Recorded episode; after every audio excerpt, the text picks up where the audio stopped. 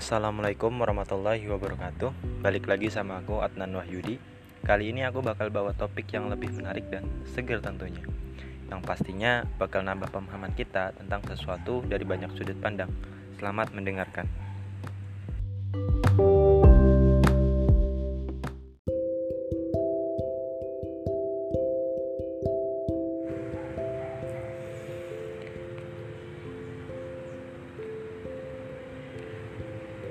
Pada episode kali ini, aku mau bahas tentang Cina yang beritanya Corona tahap 2.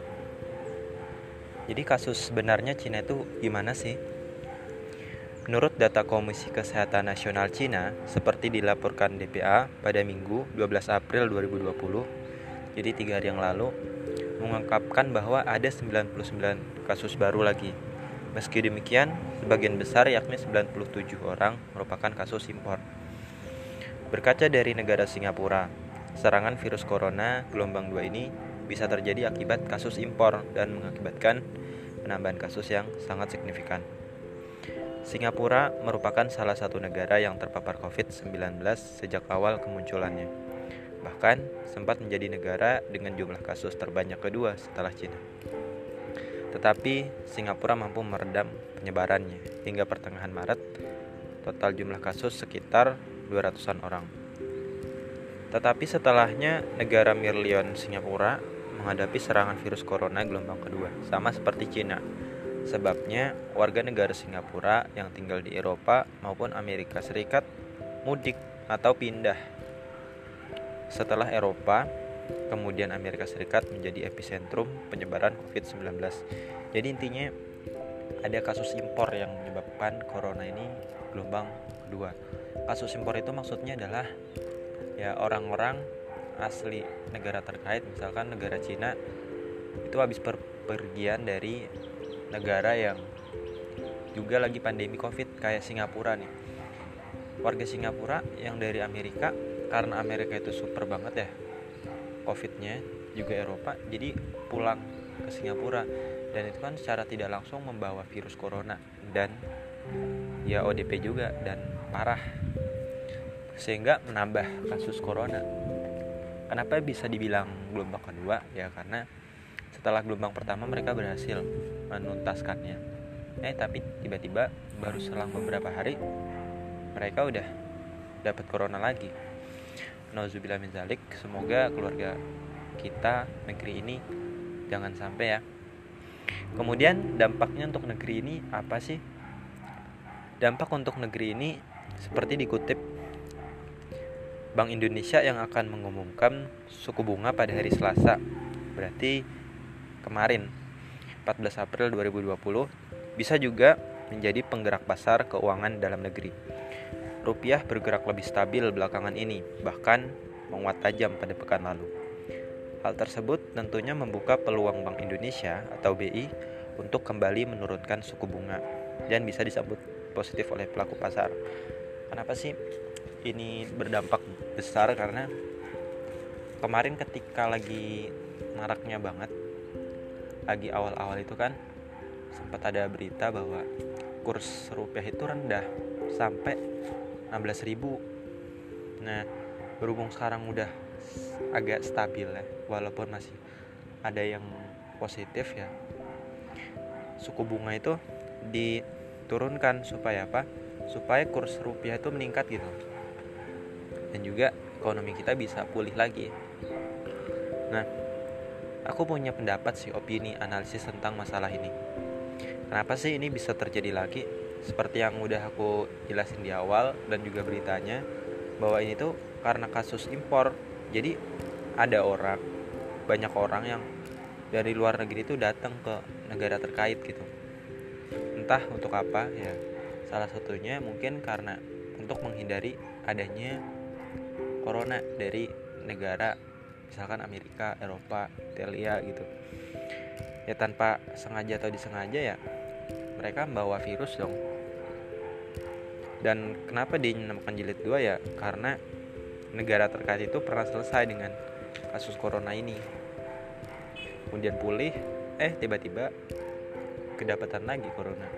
Dan juga ada isunya bahwa seorang kakek di Cina itu baru aja sehari setelah Cina mengumumkan pulih ada apa virus yang dari tikus virus apa itu? Hantang apa ya?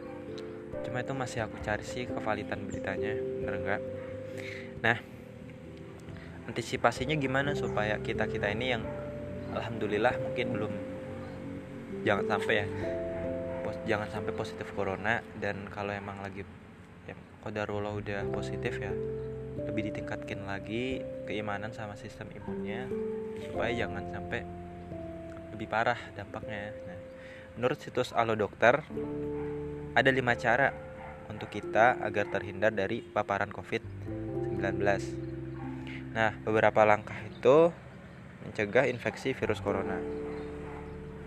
Di antaranya yang pertama mencuci tangan dengan benar.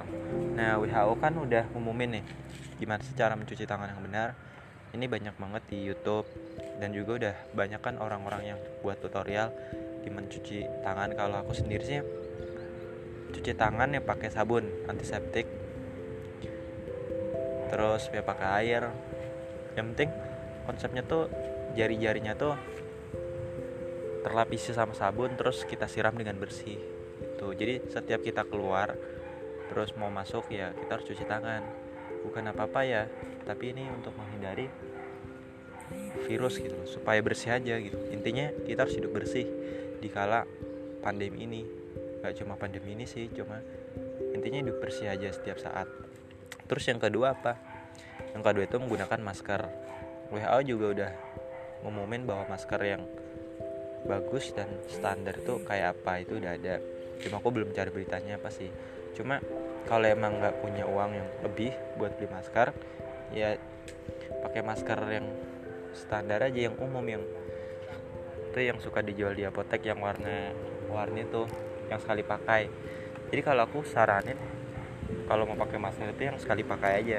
Jangan yang berkali-kali pakai yang bisa dicuci itu. E, bisa sih cuma aku ragu kalau berkali-kali pakai itu.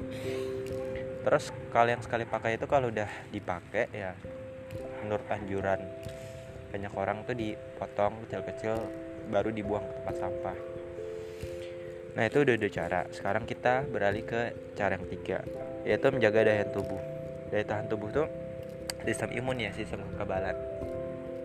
Ya bisa dengan banyak hal sih. Salah satunya dengan perbanyak konsumsi vitamin. Tapi ini dalam taraf yang wajar ya jangan overdosis ataupun kekurangan. Karena vitamin sendiri kan adalah suatu zat yang dikonsumsi manusia dalam jumlah sedikit. Sedikit ini dalam artian dalam jumlah yang wajar sesuai kebutuhan. Ya kalau kita lagi ningkatin daya imun ya vitamin cocok. Nah aku nyaranin kita minum banyakin minum atau makan vitamin C D sama E. Kalau C itu kan kayak contohnya jeruk gitu kan. Terus kalau di itu kan daging-dagingan ikan susu. Kalau itu lebih ke susu sih. Intinya minum susu makan roti terus buah-buahan yang asam itu itu cocok banget buat ningkatin kekebalan kita. Kemudian yang keempat tidak pergi negara ke negara yang terjangkit virus. Kan ada hadis juga ya kalau kita lagi di suatu negara yang ada masalah maksudnya wabah gitu ya jangan pergi dari negara itu. Dan kalau kita lagi di luar negara yang terjangkit ya jangan pergi ke negara itu. Nah berhubung kodarullah negara kita maaf ya ini terjangkit pandemi ya usahakan kita di rumah aja kerja dari rumah itu intinya jangan sampai kasus kayak Singapura sama Cina itu kejadian negara Indonesia gitu. Kemudian yang kelima itu menghindari kontak dengan hewan yang berpotensi menularkan coronavirus. Jadi hewan ini contohnya tuh ke kelelawar, tikus, ular yang pokoknya yang liar-liar itulah yang kemungkinan bisa menularkan coronavirus. Gak tahu dari mana ya. Pokoknya yang dari Wuhan itu kan karena ada orang yang makan ikan atau makan kelawar itu kan kebiasaan mereka. Itu mereka biasanya terjangkit positif corona gitu di Indonesia kan juga ada ya beberapa pasar hewan yang jual ular yang jual kelawar yang jualan tikus gitu. Nah itu kalau bisa kita hindari kontak itu. Jangan sampai. Nah berhubung kan sekarang musim pancaroba ya pergantian musim hujan sama musim kemarau. Ini kan banyak banget tikus ya apa di rumah apalagi di rumahku tuh. Ya banyak tikus nyamuk. Apalagi sekarang juga ada malaria kan TB selain corona. Nah ini kita harus tingkatin lagi deh kesehatan kita. Nah ini tips dari aku ya yang terakhir. Tips keenam. Perbanyak doa sama zikir. Dan juga kurangi berita-berita yang negatif. Doa ya memberikan kita kekuatan akan harapan masa depan. Dan juga kurangi berita negatif ya supaya waktu kita lebih dialihkan untuk baca buku yang positif memberikan semangat atau mengerjakan tugas yang belum selesai atau mengerjakan hobi baru di rumah gitu karena berita negatif itu kan memberikan efek psikologi yang cukup besar ya bagi kondisi mental kita. Kalau mental kita rusak ya kita akan down kita akan lemah dalam semangat. Jadi usahakan hindari hal-hal yang negatif dan perbanyak dan dekatkan diri kita kepada Tuhan yang Maha Esa. Juga saling erat sama keluarga sama saudara bisa lewat chat dulu deh sekarang. Karena kan kalau mau mudik itu kan ya dihimbau jangan ya. Kalau bisa jangan Nah, sekarang aku ngambil kesimpulan.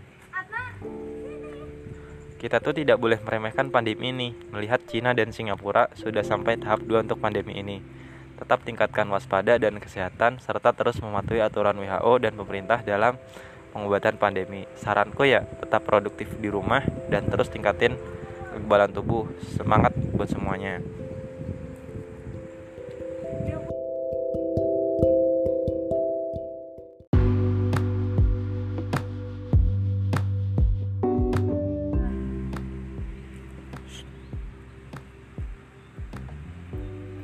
Mungkin kali ini aku cukupkan podcast pada hari ini. Semoga bermanfaat. Ada kurangnya dari aku semata, ada lebihnya itu dari Tuhan. Sampai jumpa di lain waktu. Assalamualaikum warahmatullahi wabarakatuh.